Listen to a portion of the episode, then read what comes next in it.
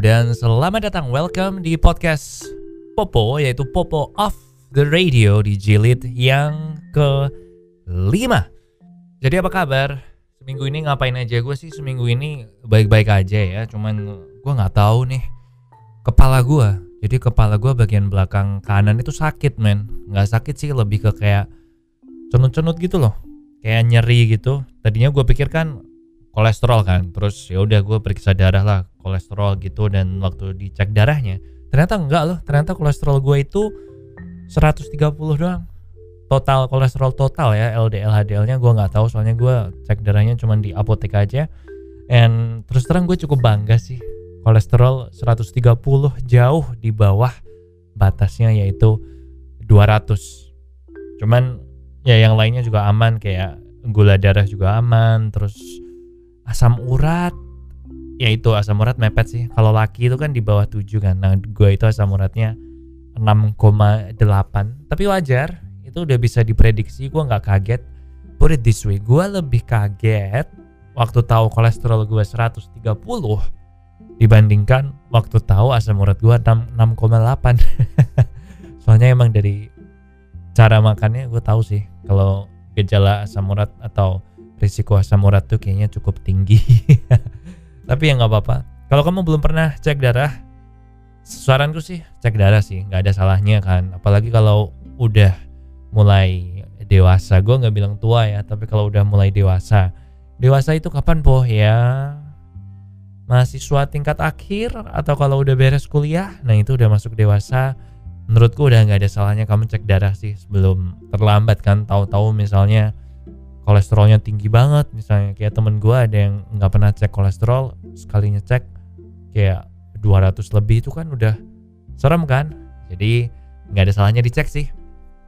Tapi memang gue tuh menyadari ya akhir-akhir ini kayak pembicaraan gue sama temen-temen gue pun gue tuh udah masuk ke ngomongin kesehatan gitu. Kayak kayak dibandingin waktu gue dulu zaman kuliah atau waktu zaman sekolah kapan sih kita ngomongin kolesterol? Kapan sih ngomongin gula darah ngomongin cek darah ngomongin tensi tuh tekanan darah kapan sih?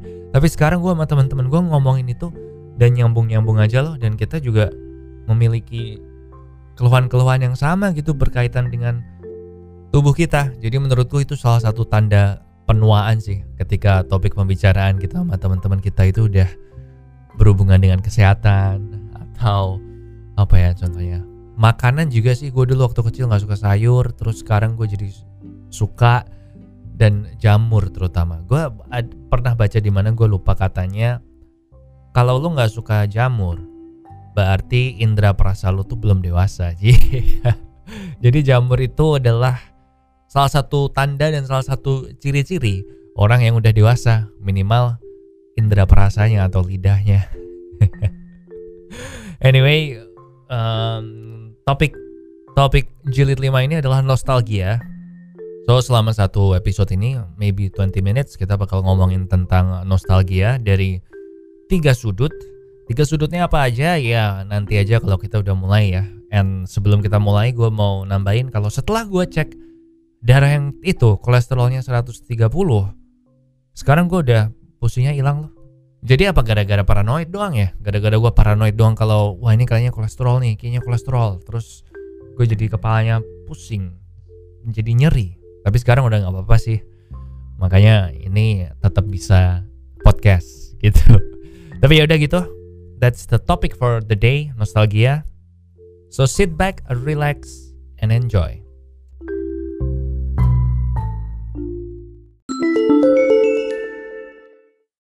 Nostalgia. Kalau menurut bahasa Yunani, kata nostalgia itu artinya kalau diterjemahkan ke Inggris adalah the pain of an old wound atau kalau diterjemahkan lagi ke Indonesia adalah rasa sakit dari luka lama. Gue nggak tahu ini bener apa enggak ya. Gue denger ini dari Mad Men. Gue nonton serial Mad Men dan waktu itu si Don Draper yang bilang kalau nostalgia itu is the pain of an old wound. Jadi itu semacam sakit karena luka lama. Memang sih ada benarnya sih dan terutama filsuf-filsuf Yunani zaman kuno itu kan memang identik dengan tragis kan yang tragis-tragis yang melo-melo yang sedih-sedih. Jadi gue rada percaya kalau memang artinya itu. Tapi penjelasan nostalgia kalau yang menurut science atau ilmu pengetahuan adalah nostalgia is a longing for a sanitized impression of the past atau keinginan atau kerinduan akan impresi masa lalu. Tapi impresi masa lalu ini yang udah di sanitize. Jadi udah dibersihkan dari segala-segala yang jelek-jelek. Jadi kayak misalnya lo teringat sama mantan lo yang lama nih. Yang keinget kan cuma yang baik-baiknya doang. Nah itu yang disebut dengan nostalgia. Dan ketika lu balikan sama mantan lu nah yang buruk-buruk keluar juga dan ujung-ujungnya lu pengen putus lagi kan. Nah intinya kayak gitu. Nostalgia tuh keinginan yang sudah disanitasi. Kerinduan akan masa lalu yang telah dibersihkan dari segala yang jelek-jelek tapi sebenarnya kamu tahu gak sih kalau nostalgia itu Dulu di abad 17, pertama kali istilah nostalgia ada diciptakan oleh uh, dokter dari ahli fisika sih sebenarnya, bukan dokter ya. Ahli fisika dari Swiss, Johannes Hofer yang bilang kalau nostalgia ini adalah penyakit otak. Jadi kelainan otak, jadi kelainan jiwa gitu zaman itu. Tapi sekarang kita melihat nostalgia itu udah nggak kelainan otak lagi, tapi sebagai sesuatu yang wajar um, se sebuah kayak comfort zone gitu ya, or socially acceptable way cara yang diterima secara sosial untuk kita menghela nafas dan mengingat-ingat kembali masa-masa yang menyenangkan ya kalau menurutku sih. Nggak nggak selalu kayak cuman masa SMA doang atau masa sekolah doang mungkin kebiasaan-kebiasaan lama dan sebagainya sebagainya menurutku nostalgia juga nggak ada yang salah sih. Uh, kayak sekarang aja nyatanya di berbagai media juga sedang menjual nostalgia itu kan. Kayak misalnya film-film. Film zaman dulu yang dibikin ulang terus konsol game yang dulu-dulu yang dirilis dengan label klasik. Terus kalau desain baju segala macam juga kita perhatiin perhatiin sekarang fashion trendnya balik lagi ke zaman dulu kan. I still remember dulu tuh orang pakai baju yang kegedean-kegedean oversize oversize terus habis itu jadi yang tight fit jadi yang slim fit jadi jadi yang skinny but now streetwearnya juga udah jadi oversize lagi. And katanya memang menurut ahli marketing memang 20 tahun sekali kayak gitu sih katanya. 20 tahun sekali tren itu akan berulang menurut teorinya. Gue nggak tahu sekarang masih berlaku apa enggak but kalau lu lihat foto-foto artis tahun 99 bandingkan sama fashion-fashion sekarang kayaknya lu bisa kayaknya ada kemiripan kan? Gue juga ngerasa gitu.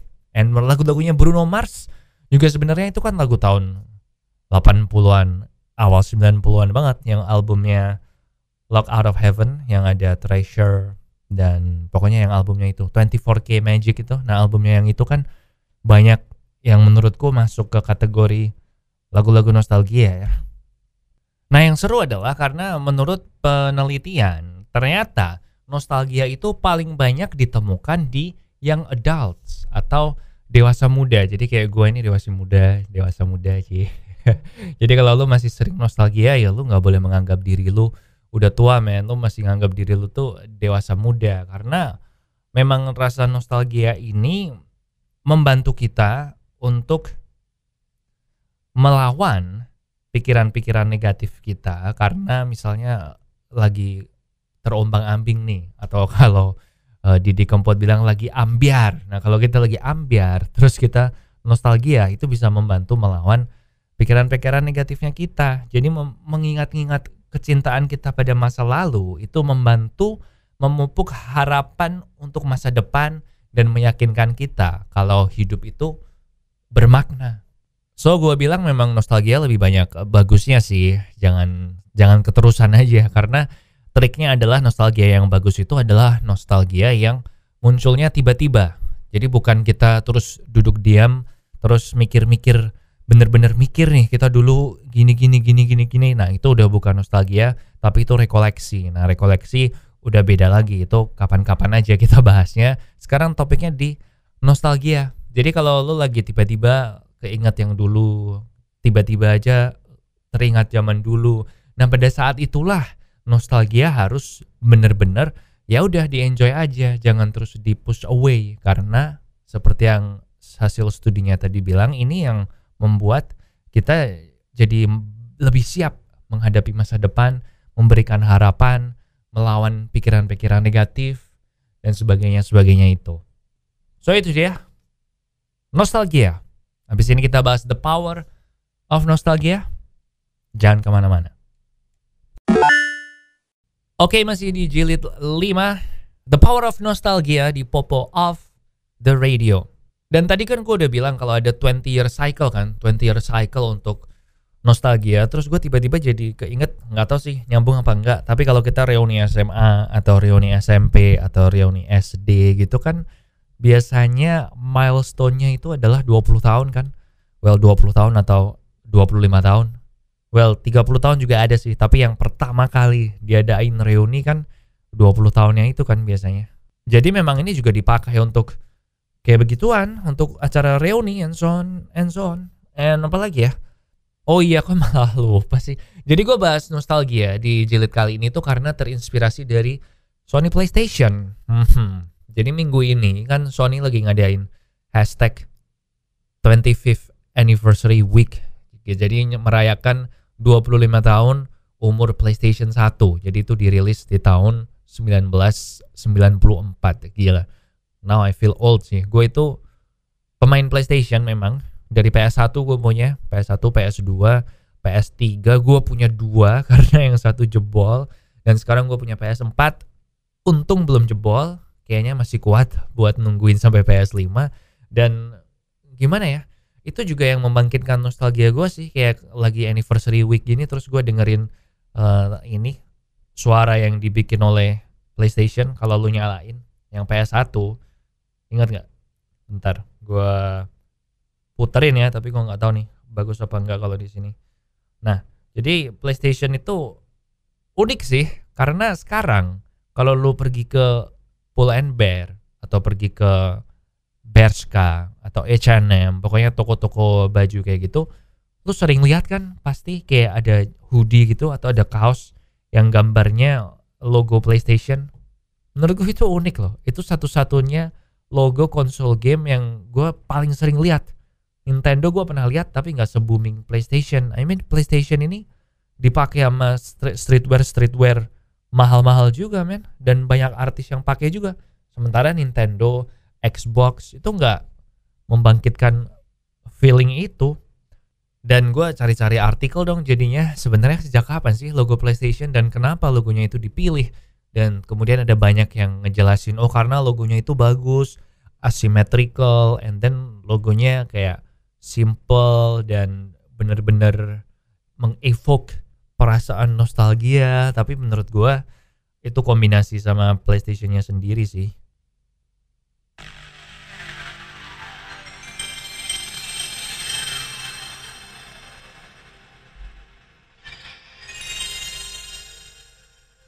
Kedengeran nggak? Jelek nggak sih? Gue pakai handphone doang sih, soalnya gue terlalu malas buat cari filenya and then dipindahin ke sini and so on and so on. Jadi ya kayak gitu. But ya udah itu. Gue cuma mau ngomong itu aja penyebabnya gue nostalgia itu. Dan ngomong-ngomong soal nostalgia, bahkan boyband boyband zaman dulu kayak Backstreet Boys, kayak Westlife, itu juga mereka tour konser lagi kan setelah 20 tahun kan, reunion show kan. Jadi memang siklus 20 tahun itu beneran ada sih. Dan gue kemarin kan nonton ini nih, Boys to Men. itu juga korban nostalgia juga tuh. Karena dulu waktu kecil gue sering dengerin Boys to Men, tapi bukan versi aslinya, tapi versi P Projectnya yang I'll Make Love to You-nya diganti menjadi nasib seorang guru yang di kelas ku tulis nasib seorang guru. Nah itu loh. Gara-gara itu doang gue nonton konsernya Boys to Men. Padahal gue sepanjang konser gue cuma tahu tiga lagu mungkin tiga atau empat dan tiga oh ya empat sih. Dan tiga dari well lima lagu. Dan tiga dari lima lagu yang well no enam lagu. Kok terus jadi tambah ya yang gue tahu pokoknya gue cuma tahu enam lagu. Dan dari enam lagu itu yang tiga bukan lagunya Boys to Men. Mereka mengcover lagunya Lenny Kravitz American Woman. Lenny Kravitz ya. Kayaknya Lenny Kravitz deh. Terus lagunya The Beatles yang Come Together. Sama lagunya Bruno Mars yang Lock Out of Heaven. Yang lainnya gue nggak tahu men. Gue cuma tahu tiga lagu dari Boys to Men yang ini One Fine Day sama Mariah Carey. Terus I'll Make Love to You itu sama End of the Road. Dan End of the Road itu lagu terakhir One Fine Day itu di sebelum terakhir.